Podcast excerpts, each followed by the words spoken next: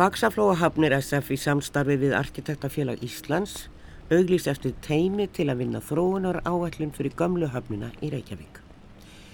Þessi auglýsing er eina mörgum sem hafa byrst á undanförnu. Þetta á ekki bara við um Reykjavík því samkeppnis auglýsingar í minni bæjum landsins hafa líka byrst undanfarið. Við ætlum að fræðast aðeins um samkeppnir í þætti dagsins. Gamla höfnin, það er svæðið næst Östurbakka og Hafnatorki svæði sem ofta hefur verið nýtt við hátíðahöldtímiskonar og ekki síst á sjómanadaginn hér áður fyrr en í lýsingu á svæðinu segir. Á svæðinu eru í gildi nokkrar deiliskeipulags áallanir en hluti svæðisins er ódeiliskeipulagur. Árið 2015 var ákveðið að samina deiliskeipulags áallanir sem voru í gildi við Vesturhöfn örfyrir seg en engu var í rauninni breytt nema ákveðu var að heimila millipalla á hluta svæðisins. Síðan deiliskeipulagið var samþygt hafa þó nokkra breytingar verið gerðar sem miða því að hækka nýtingarhlutfallið á einstaka lóðum. Heitið gamla höfnin er notað yfir svæði sem að nú stendur til að skoða. Svæðið er blandasvæði en þar eru miðal annars að finna miðborgarsvæði og fiskvinnslu ásamt því að á svæðinu er öflug hafsækin starfsemi á öllum hafnabökkum. Hafsækin starfsemi hefur breyst mikið á undanfæran ár og ára tugi en ekki er þörf á jafnmiklu landrými fyrir hafsæknastarfsemi á aðlikjandi lóðum. Nú verður hort á svæðið heildstætt og gerð áætlun sem miðast við mismunandi sviðismyndir en ekki er gert ráð fyrir íbúabyggð á svæðinu. Faxaflóahafnir SF eiga og reyka fjórar hafnir. Akranes, Borganes, Grundartanga og Reykjavíkurhafn. Ásamt því að reyka hafnina á Grundartanga er fyrirtæki landegandi á svæðinu og leiðir þeim fyrirtækjum sem þar starfa lóðir til langs tíma. Fjölbreytt aðstæða gefur fyrirtækinu mörg sóknarfæri á mörgum sviðum mannlífsins og getur á þeim grunni látið gott af sér leiða í þáu eiganda sinna almennings og atvinnulífs. Stefna fagsaflóahafna er að reyka örugar, grænar og snjallar hafnir þar sem veitt er skilvirk þjónusta. Rætti við nokkra aðila í þætti dagsins. Pavel Bartótsek sem er formaður samgöngu og skipilagsráðs borgarinnar segir frá afstöðu borgarinnar til hafnasvæðisins. Sigriðum okk arkitekt fræður okkur um tilgang og fleira í sambandi við samkeppnir en við skulum byrja á því að heyra í Hildi Gunnlaugstóttur arkitekt sem er skipilagsfulltrúi fagsaflóahafna. Já, við ætlum að huga aðeins að samkeppnum í þættinum í dag. Og þær eru kannski óvenju margar en mjög mismunandi. Sumar eru náttúrulega ekki beint kannski byggingar eða deiliskepilag heldur hugmyndasamkeppnir. Og eins og ég sagði á þann þá hér niður við sjóin hafið og hafnarsvæði er náttúrulega mjög aðlagandi og Þau hafa breyst í flestum borgum og flesta borgir hafa farið þá leið að gera þetta skemmtilegum útísvæðum fyrir borgarana. Og þetta sér mér í mörgum borgum, taka bílastæðin og svo er hapsækinn starfsemi ekki hér endilega í, á þessu svæði í Reykjavíkurhöfn. Við stöndum hér í Hafnarhúsinu og horfum hérna yfir, sjáum Östubakkan hér til hægri, það sem búið er að byggja og náttúrulega var deiliskeipulagt, það sjálfsögðu áður en það var gert. Svo er hérna leiksvæði beint fyrir framann okkur sem er tilturlega nýtt og svo er ekkert deiliskypulag og ekki hér heldur fyrir framann okkur, það er ekki til. Og svo er búið að deiliskypulagja vestubugtina en það land er vist í eigu borgarinnar og þar er allt komið á fullt í hönnun og við hefum nú eftir að fræðast nánanum það í einhverjum þættinum. Og svo er grandin og er fyrir seg. Þannig að það er verið að byggja um hugmyndir að hvað á að gera hér niður við höfnina í Reykjavík. Hildur Gunnarsdóttir, arkitekt, hefur verið skeipilagsfulltrúi hér hjá Faxaflóahöfnum og hefur svona lagt áherslu á það að það erði gert eitthvað í þessum málum hér. Og nú stendur þetta sem sagt til að það má sendin hugmyndir. En þetta, þetta svæði, Hildur kannski fyrst, er svolítið skrítið hérna sem við horfum beint á. Það er þetta leiksvæði sem er náttúrulega bara svona settu upp bara sem ágættis hugmynd hvað á að gera og krakkarnir hafa gaman að því að leika sér þarna, það eru rampar þarna og annað fyrir bretti en svo er þetta líka töllasvæði þegar skemmtifærarskip koma hérna. Já, já, akkurat, það er þarna uh, grindverk utanum tollvendarsvæðið að þegar skemmtifæraskip koma þá er því öllu lokað og læst. En það sem kannski fólk áttar sig ofta ekki á er að þegar það er ekki skip þá er þetta svæði opið. Og við höfum látið setja svona, eh, svona, svona hálfgerða hurðir eða þannig svona hérna hlið. Þannig að það er að komast inn á svæði þannig að fólk ætti svona alla jafna að geta gengið með fram hafnakantinum ja. og það er svo miklu skemmtilega að ganga með fram hafnakantinum heldur en við einhverja gerðingu Já, en þetta er eitthvað sem er samt ákveðið að verður þarna áfram. Þetta eru landamæri. Já, já, akkurat, það verður þarna áfram. Þetta er ágetið svæði hérna við miðbakkan fyrir minni skemmtifæraskip og ég hef svona eftir að ég byrjaði að vinna hérna, það, ég vissi ekkert um skemmtifæraskip en þessi minni er vist oft dýrari. Það dýra ekki stiðum heldur en þessum stóru glæsi skipum sem er sértu sundahöfn. Já, ok. Þannig að hérna Já, ég hugsa það, ég skil það nú svo sem alveg. En við horfum á þúfuna hérna og það er, það er alltaf eitthvað aðeins að gerast hérna og, og grandin hefur verið að þróast bara undanfærin 20 ár eh, frá því að vera aðeins hafnsækin starfsemi svona margir listamenn margar skemmtilega búðir svona delikatessen, flottir veitingastæðir og þetta hefur bara svona fengið að gera að gerast bara í róliheitum Já, í rauninni. Sumt af þessu er í rauninni svolítið stýrt af höfninni og annað bara byrjaði að gerast það sjálfur sér.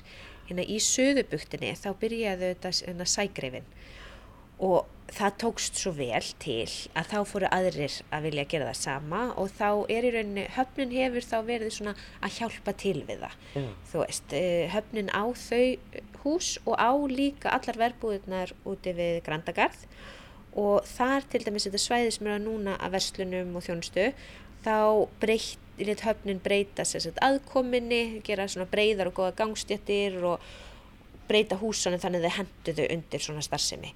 Og það er planað að, þann, sú, að þannig starfsemi, svona verslanir, litlar, veitingastæðir og fleira að það haldi áfram í næstu lengjum af verbúin yeah. en það, hérna, það bara verður svona gerast þegar það þegar að kannski við höfum einhverja hugmyndum hvað gerist á restina svæðinu. Þetta er svolítið, sko ég hugsa fyrir arkitekt að setja með þetta í höndanum allar að koma með hugmyndir um hafnarsvæðið í Reykjavík sem er alltaf gríðarlega spennandi get ég ímynda mér og þetta komið margar skemmtilegar hugmyndir. En af því að þetta er svona doldið gött og, og, og það er deiliskypulag og, og þarna en ekki hérna og það er, það er ekki eins og rammaskipulag svona sem að leysir þann vanda.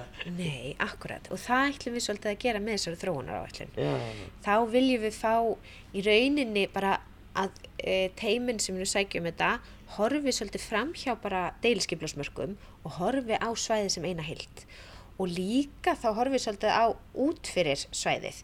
Horfi á það að þú veist það er komið hérna hótel og íbúður við austurhöfnuna e, listaháskólina fyrir að flytja hann í tollhúsið e, þá fyrir að taka í gegn hérna grófuna, borgarbókasefnið Það er alls konar svo vestubuktin að byggjast upp, hérðinsreiturinn hérna rétt hjá, aljansreiturinn sem er eiginlega bara út á, út á granda og að þetta allt einhvern veginn svona spili saman og virki saman já. og já, þannig að það verður vonandi til með þessari vinnu. Þetta eins og ég segi, þetta er skemmtilegt. Það er, sko, við erum alltaf komið með Marshallhúsið þarna og, og, og, og svo gamlu hafnabúðuna sem stóð nú til að rýfa á svínum tíma. Já þá þegar sægrifin bara vaknar og byrjar að selja fisk. Þó að hann hafi verið reynd að stöðvan mörgu sinnum af því að hann var ekki með eldhús og, og endaði með því að hann þurfti að vakumpakka öllu og af því að hann mátti ekki selja af því að hann var ekki með eldhús. Já, já, já. en svo opnaði veitingastofana með merkjulegu maður, sægrifin sjálfur. En e, hótel stóð til hef ég lesið um hérna beint fyrir framann Það er einhver aukýringur búin að kaupa hérna það sem þið kallir Brím húsið. E, Brím áttu það og síðan er búin að selja það og hér var einhver pæling að byggja stórt hótel hér á bakkanum. Já. Það hefur ekki fallið góðan jarðug. Nei, það gerði það ekki. Þetta, þessu hugmyndir fór til borgarinnar og borgin var ekki, ekki mjög hrifin af þeim. Þannig að, sko, svo er líka alltaf svolítið spurning, viltu fá eitthvað mjög hátt og mikið uh, sem kannski lokar svolítið höfnuna frá miðborginni eða viltu frekar fá eitthvað það sem að kannski frekar lástemt þar sem að það er einhver íveru svæði og dregur fólk frekar niður að höfn. þetta eru bara svona vangaveltum það er eiginlega bara að, ég ætla ekki að segja hvað, hvað mér finnst en hérna, en e, já við erum alltaf að fá einhverju svona hugmyndir Já. og þá er svo gott að vera með eitthvað svona tæki vera með einhverju þróunar áallin þar sem við getum sagt þetta er stefnan okkar og þetta passar inn og þetta passar ekki. Við þurfum einhvern veginn að geta svarað þessu. Líka kannski bara svo að fólk sé ekki að fara að stað með einhverju svakalega vinnu og tapar henni síðan þegar það er búið að, þegar við segjum nei. En það er náttúrulega það sem að fólk hefur kannski einna helst kvartað yfir eftir að Hafnatorki byggðist hér og Austurhöfnin eða Austurbakkin að, að það er að það sé búið að loka sjónlínu að sjónum og fólk sjá ekki frá Arnarhóli til dæmis út á sjó það sem hafi verið útsýni svæði hér yfir alla höfnina. Það verður nú synd að loka öllu hér. Þannig að það verður að vera svæði þar sem að fólk getur komið. Já, sko, það hafa komið upp hugmyndir sem að, sem að komu í samkefni sem minnir hafi verið 2009 uh, sem greiða massi arkitektar skorskiræktarunnu og þá voru þau með hugmyndir hérna á miðbakkanum aðeins svona aðeins lægri byggð með þeim mitt sjónásum út að, út að sjó.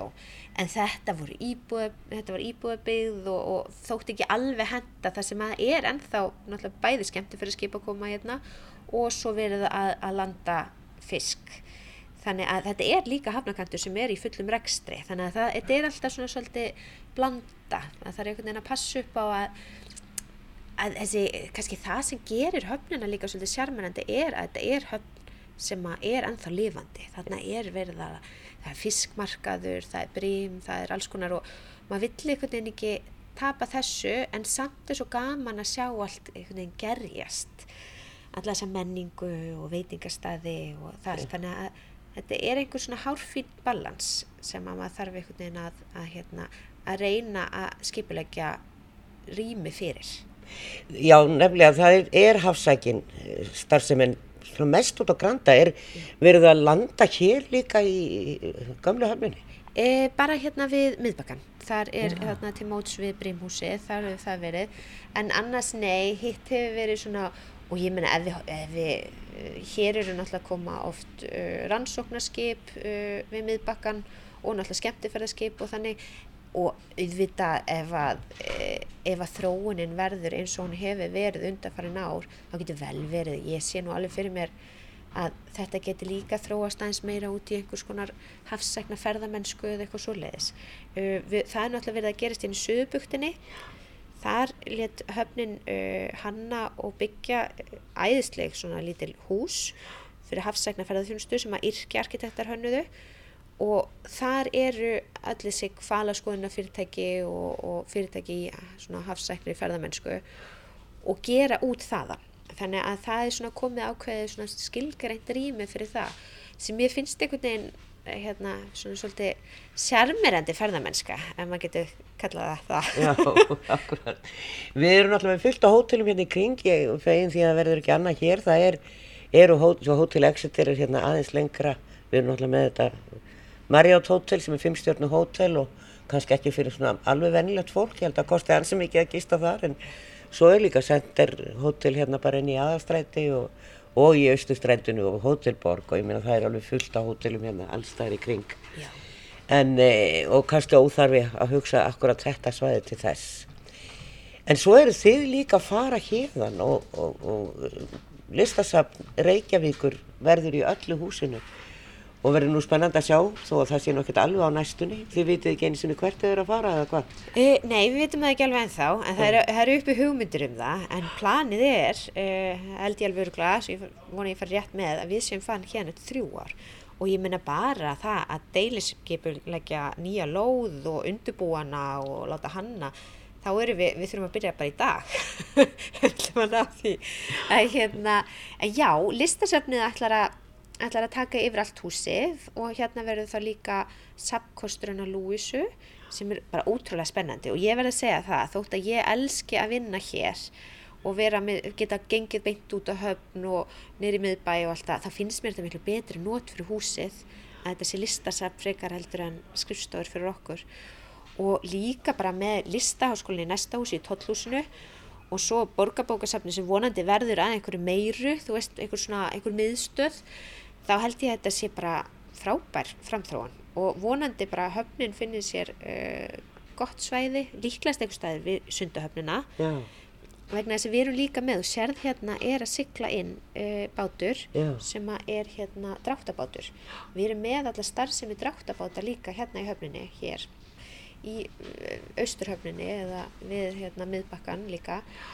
Og þessi bátar eru náttúrulega mjög mikið að vinna í sundahöfninni og annar staðar og það er óhendugt að vera hér. Og við viljum einhvern veginn hafa alla starfsemina einum stað og hérna, þá hendar það bara miklu betur fyrir sundahöfni þótt að sé ekki kannski hérna sérmennandi kaffihús í hátinu það kemur kannski, það er aldrei að vita. En, og, og, og það er kannski á eftir að breytast þar, það er nú verið talað um náttúrulega svona raðbraut út úr Reykjavík einmitt þar, sem er hinn fræga og umtalaða sundabraut sem við veitum nú ekkert hvenar eða hvar hún kemur og það er mögulega þarna sem að einskip og samskip eru með sín sitt Já. svæði akkurat Þannig að það er nú ímislegt eftir að breytast þar. En eh, þetta er spennandi hvenar það búið að auglýsa þessa samkeppni eða já, þetta er náttúrulega samkeppni en eh, svona hugmyndir meira en skipula.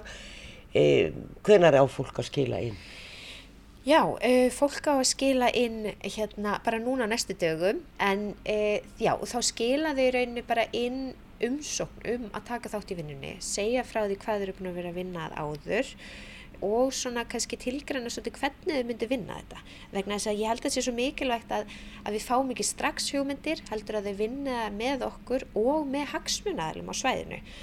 Að, hérna, að, að þau fá að vera með Það veitir ekki af, samvinnan er alltaf góð en, en það er samt endalega borgin þó að faksaflóahafnir eigi þetta svæði og allar þessar hafnir sem ég taldi upp á þannig að Akranis, Borganes, Grundatanga og svo allar ekki einhver höfn þá er það borgin sem að endalega segir já eða nei. Já, það er það, en með því að vinna þróunaráallun þá erum við rauninu bara búa til þróunaráallun okkar uh, sem vinnum að sjálfsögja samræðu við borgina en við erum ekki að festa neitt skipla í sessi. Þá getum við sagt unni deiliskipla upp frá þessari hérna, þróunaráallun og þá farið ennþá meira í sko, þá í rauninu ákveði byggingamagn algjörlega og svona hvers konar starfsemi og allt það. Og þá auðvitað myndi borginn þurfa að samþekja það allt.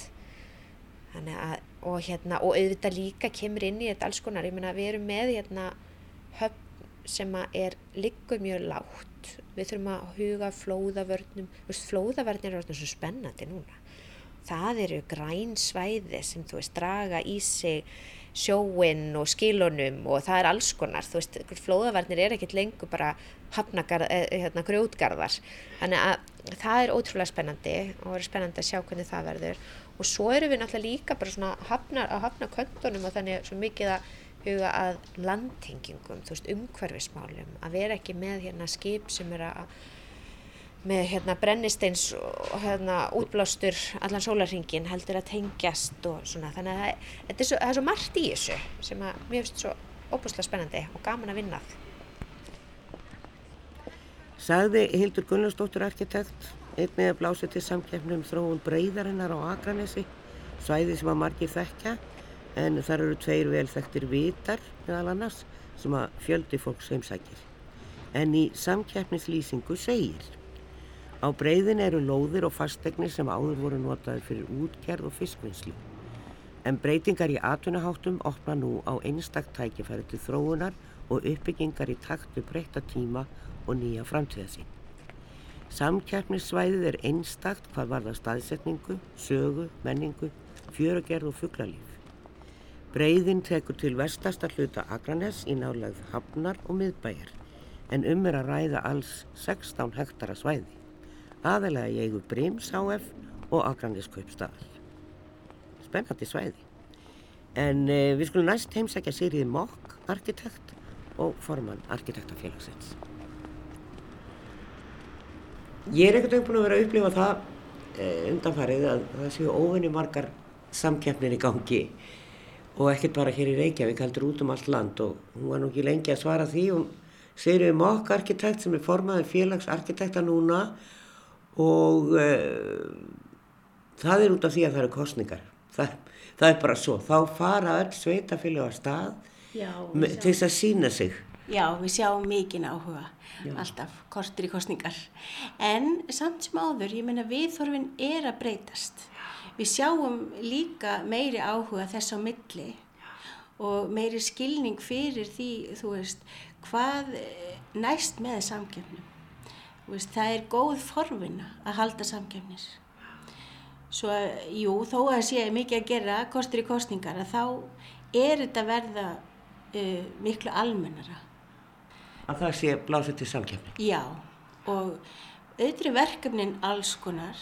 Það getur verið að séu bara uh, einhverju enga aðilar að leita sér að arkitekt og, og kannski hafa ekki huga á að, að fara út í samkjöfni og, og þeim kostnæði sem því fylgir. Og svo er eins og við erum að sjá fagsaflóða höfnum að það er gríðarlega stórt verkefni og, og þeir eru að leita bókstæðilega að teimum hönnuða, þú veist, ekki bara arkitekta heldur á mörgum sviðum Já. til þess að skapa þar einhverja framtíða sín þannig að, og svo allt þar á milli þannig að við erum hjá arkitektafélaginu að þróa svolítið samkjöfnisformið til þess að geta aðstöða fólk við að, að leita bestu lausna. Því samkjöfnir eru jú leið til þess að ebla gæði í manngjur umhverfi. Það er náttúrulega, sko, það kostar ekki pening fyrir þann sem að blæsti samkjafninar en þetta stelur stund, vinnustundum frá hannuðanum. Já, það, það er reyndar sagt, mörg form á því. Uh, sá sem blæsti samkjafni, hann kostar hérna verðluna fjö og allt utanum hald og framkvæmt Þannig að það er ákveðin kostnæður í því en ef það er ofinn hugmyndasamkjafni að þá eru einhvers þeir sem að fá verðlun sem að ljóta eitthvað fyrir sinn snúð. Hínir leggja þetta til bara í, í samkjafnisformið að afla verkefna.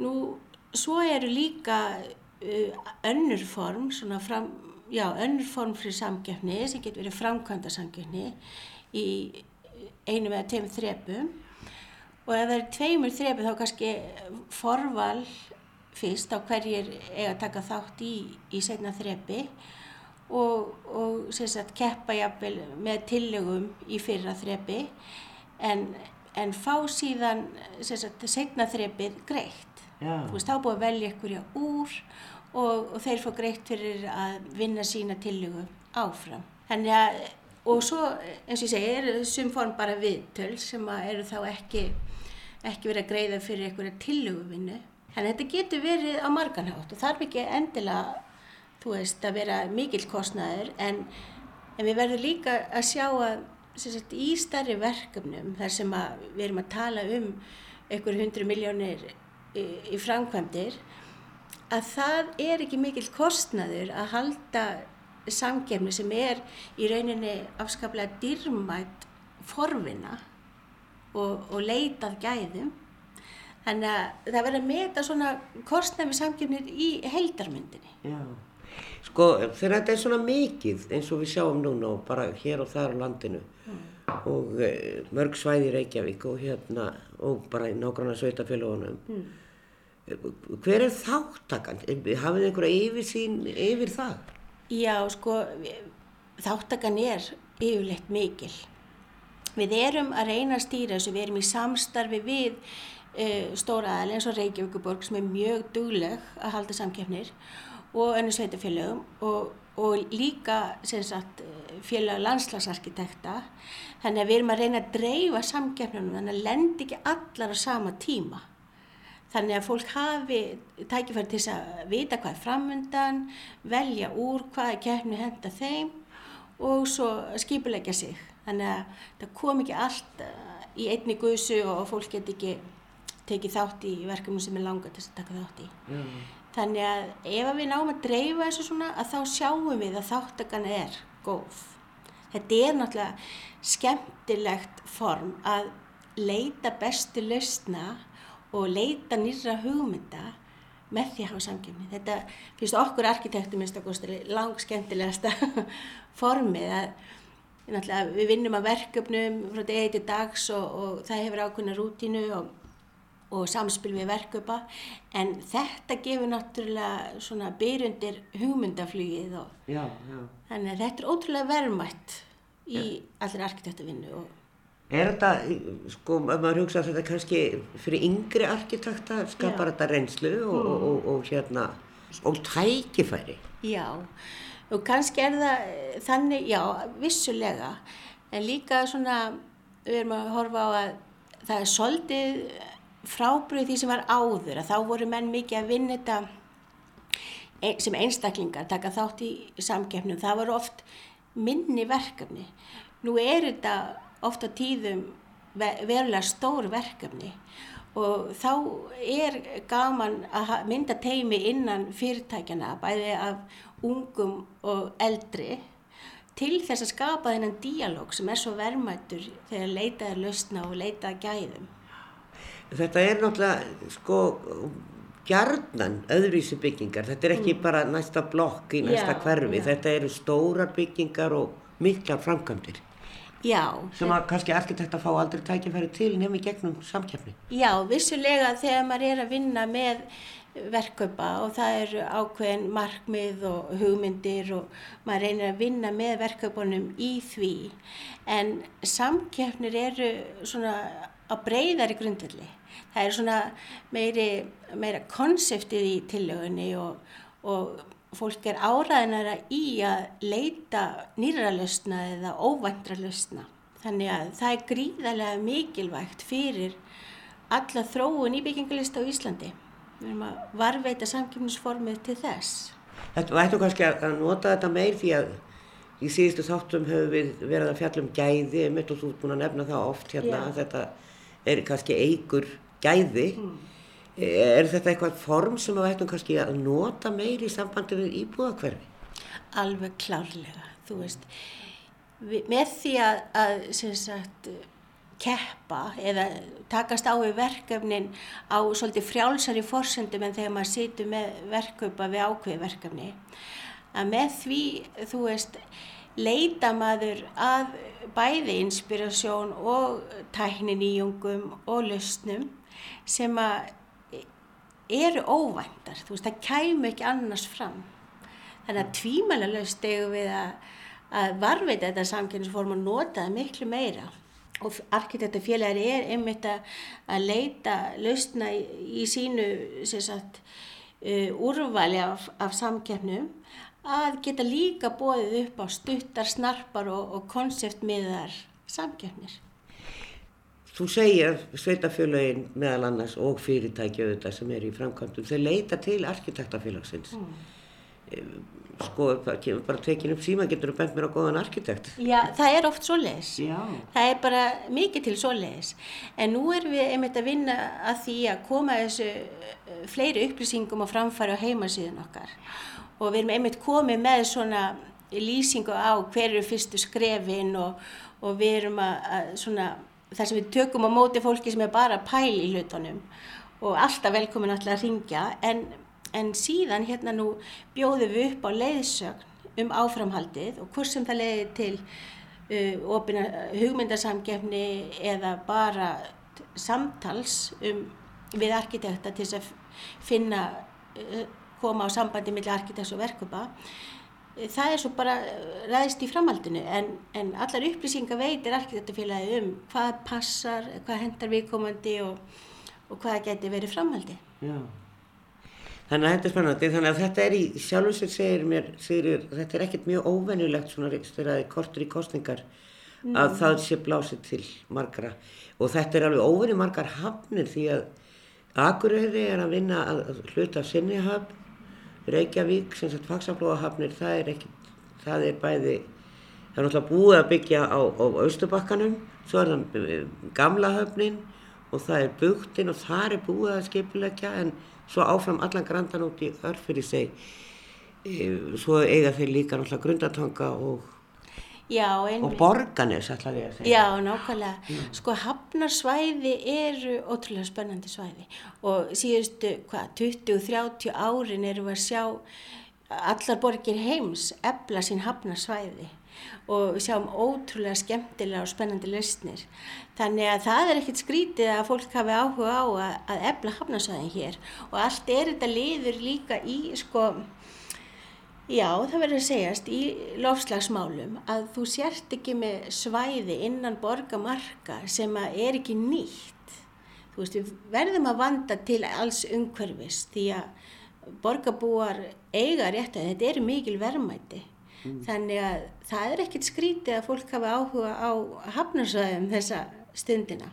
En hverju setja svo dómnefndirnar? Af því að þar eru, ger ég ráð fyrir arkitekta líka í stóru hlutverki. Já, við í þeim eh, tilvíku sem við erum í samstarfi við eh, verkaupakur sem er sveitafélur engaðalar að þar tilnefnum við alltaf eh, tvo af þremur eða, neitt, sem sagt, já, tvo af fimm og við hefum alltaf svona aðeins undir minnilhutunum í, í þessum dómnefndum. En hérna En það er sko, er, maður fyrir að hugsa um sko, það er náttúrulega verið að byggja út um allt og arkitektar Já. er á fullu, það eru marga stofur, Já. svo koma samkeppnir sem bætast ofan á það og svo þarf það að setja í dómnefnd. Þannig að það getur nú verið ærin vinna. Já, það er ekki bara ærin vinna, heldur erum við nú ekki fjölmennstjætt, þannig að e, verður margar áhugaverðar samkeppnir að þá vil fólk gætna taka þátt í einn frekar en að setja í dómnefnd. þannig að við, við dílum við það luxusvandamál. En jú, það, það sem við leitum eftir í domnöndum er að það sé meir hlutin skipaður fagfólki í mannverkjagerð. Það sé sem sagt arkitekt eða landslagsarkitekt eða skipilagsverk, allt þetta er svona eðli verkefnisins og síðan séu fulltrúar frá uh, þeim útbjóðanda og, og svo er hægt að kalla til ímsa ráðgjafa. Ef að sagt, verkefni er það sem tökum landsbytala eða hafnar Eh, eitthvað hafnaverkefni að þá getur dómnefndir alltaf ráðfært sig við sérfræðinga. Þannig að þeir, þegar þeir taka afstöðu til hérna nú bestu lausnana að þá sé þeir með allar upplýsingar sem þurfa þegar taka þátt eða sem taka ákvörðun. Þannig að já, meiri hlutin er skipaður fólki mentu í arkitektúr eða sambærilegu. Svo en lokin, ertu sjálfa að taka þátt í samkjöfni? Nei, ég, ég gæti það eflust sko ef ég gæti þess bara að ég sagt, lesi ekki samkeppnislýsingarnar á undan öðrum en nei, ég vel svona að vera öryggu megin og, og hérna geima þetta betur til þegar ég er ekki formaði lengur. Sagði Sigriði Mokk, formaður Arkitektafélags Íslands. Líklega alveg hárjætt að gott væri að beita samkeppnisforminu oftar til að leita gæða í mannkjörnum umhverfum. En svo er það pólitíkinn. Pavel Bartótsek er formaður samgöngu skiplagsráðsborgarinnar og endapunktur samkeppna enda á borði sveitafélagana og þá auðvitað líka borgastjórnar. Sigriður sagði að gerðnan væri blásið til samkeppni í aðdraganda kostninga. En er það rétt og þá hvers vegna? Ég er eitthvað ekki að upplifa að þetta munstur sé, sé einhvern veginn rétt ef ég hugsa þetta bara er samkendum sem við höfum verið með annarkort í smíðum eða í gangi á þessu kjörtíðanbyrði þá það, hef, hafa þær margar verið í rauninni undirbúningi bara allt uh, eh, kjörtíðanbyrði það sem við erum með á tekniborðinni á okkur hefur verið til dæmis samkendum nýja fókslaug sem er þá volið að fara í gang og samkendum gróvar uh, húsið sem er sem leiðis á svipuðum stað og, og þetta verið allt saman sem var einnig bóðað strax í byrjun kjörtíðanbyrði svo hefur verið unnið öll að að eh, síðan. Þannig að ég eh, sé ekki þetta, þetta munstur satt að segja. En, en kannski, kannski fólk sem er í bransamlunum upplýða öðruvís en, en við höfum alltaf ekki verið að, verið að hugsa þannig. Heldur, heldur við margt að þessu verið lengi undirbúningi hjá okkur. Já og þá kannski líka hafnirnar eða hvernig er það? Uh, fyrir ekki þá líka hafnirnar? Já Já, það er sem ef, ef við erum að ræða um, um hérna, allumis, eh, hérna, uppbyggingur um hafnarhúsi, þá er hún, en hún er, hún, eh, það er nú eitthvað í það að það fari í svona formulega samgeti. Já, það er svona að vera auðvís eftir hugmyndum og uh, þróun, þróunarvinnu, ekki kannski beint tilugu hvað á að gera heldur, Nei. svona bara komið hugmyndur um hvernig væri hægt að þróa svæði þannig til dæmis við gamla höfnina og, og út, alveg út á örfyrir seg í rauninni en það er var náttúrulega alltaf stefna borgarinn að fannst mér að og hefur fundist núna í, í gegnum tíðin að, að grandin e, eigi bara svona þróast hægt og rólega og það eigi ekkert endilega skipulegja um of á því svæði. Já, sko, í aðalskipuleginin eh, sem við vorum samt ekki að núna, þá erum við ekki að gera ráð fyrir að skipur ekki íbúðabið út á granda.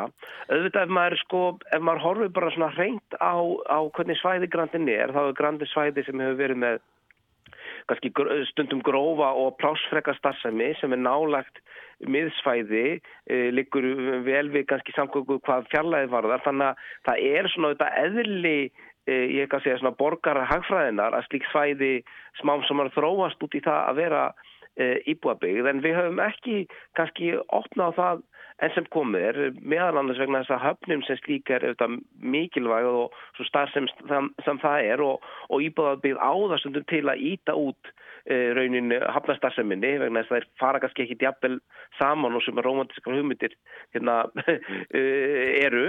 E, og, og síðan þá, þá hefur bara verið ákveðin svona spennandi þróun að eiga sér stað á grandarsfæðinu þar sem þar hafa verið að komin já, sprota fyrirtæki minni og starri fyrirtæki nýskupuna geiranum og nýskupuna þetta í veitaðingarekstri sem hefur verið mikilvægna í, í, í, í lengjunni meðfram.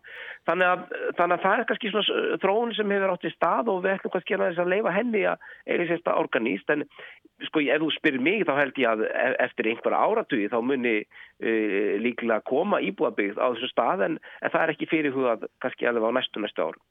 Nú var að menn við að byggja íbúðir og annað á Sko, flóðavarnir eru þarna en það duga valla til, grjótið fer yfir og gerði bara síðast í, í síðustu viku þegar það var vonsku veður og og eh, steinarnir rjúka bara þarna upp og yfir varnagarðin og landfyllingar séu bara gamaldags hugsun í þeirri tíða út vegna láslagsbreytinga og hækkun sjáar.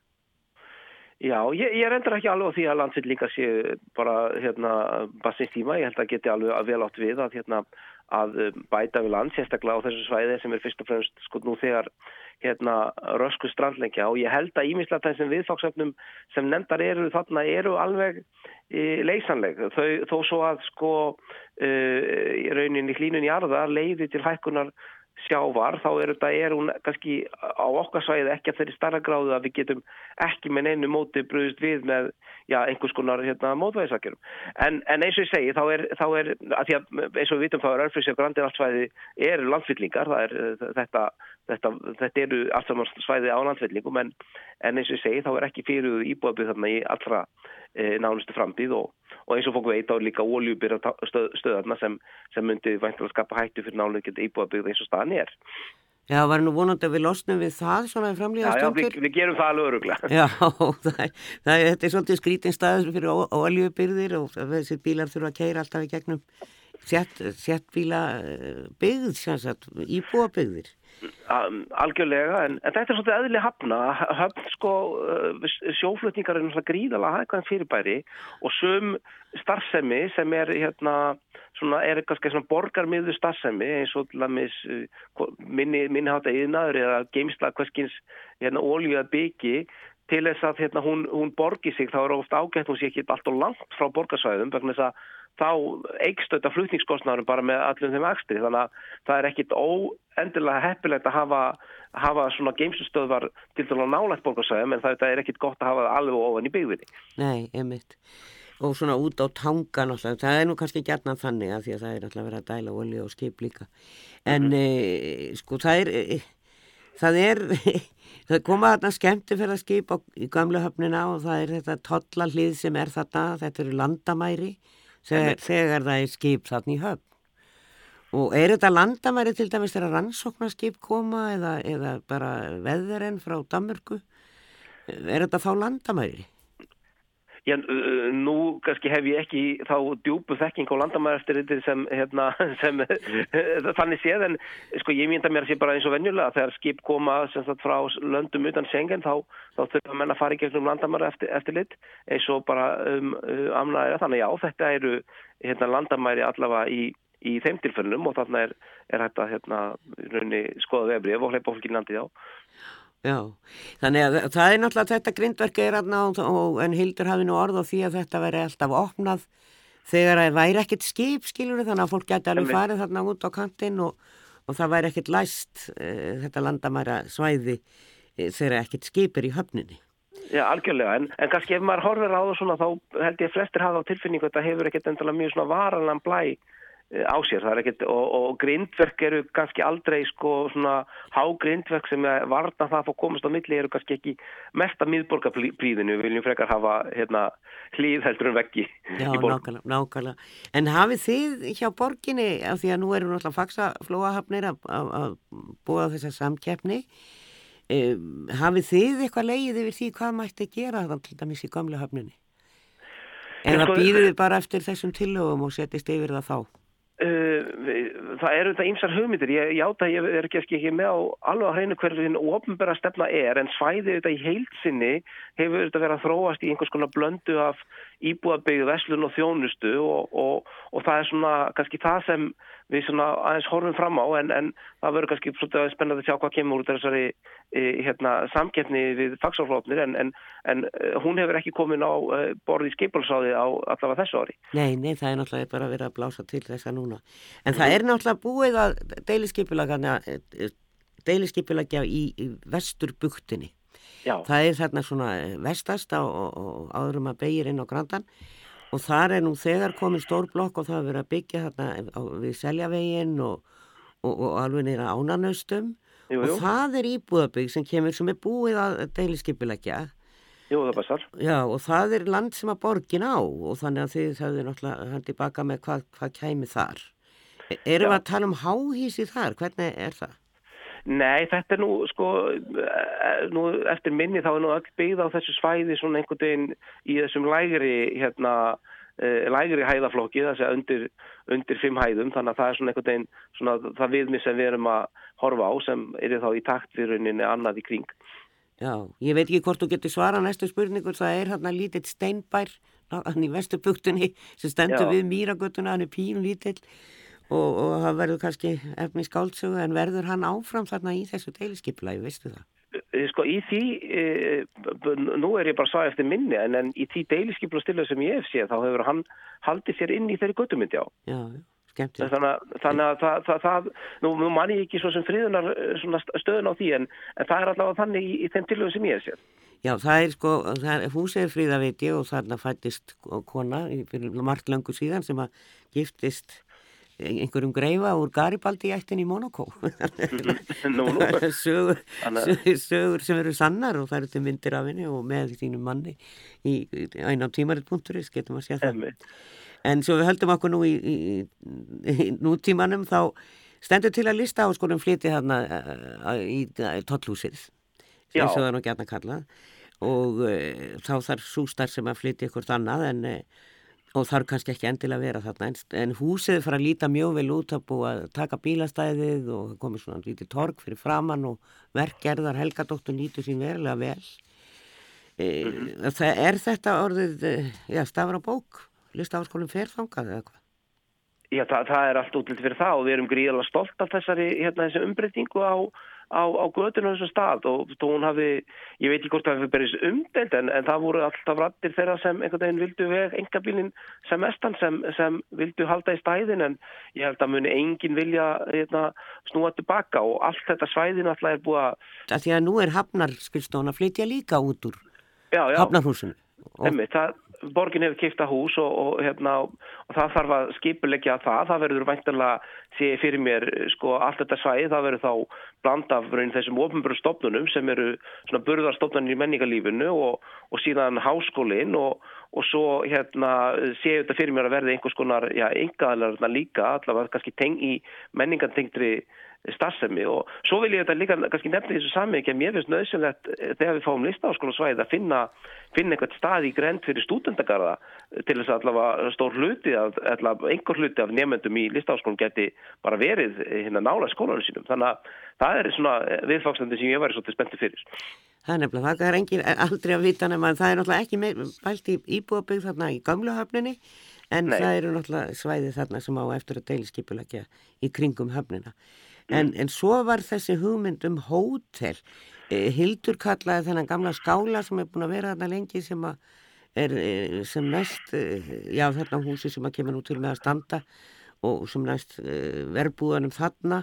Þetta er svona stór, bara stór skemma sem er kannski ekki mikið augna endi það var e, Brím áttu þetta og þetta geta kalla Brímhúsið en það er einhver útlenskur auðkífingur búin að kaupa þetta og hann falaðist eftir því að fá að byggja hótel þannig sem er um mm -hmm. 6-7 hæðir og þá er náttúrulega búin að loka sjónlínin út á sjó og þetta mm, hugnaðist þeim nú ekki hjá fagsaflóahöfnum og ég veit ekki hvort þetta við komið inn á en þetta fór að það var til borgarinn og, og borginn hafnaði því.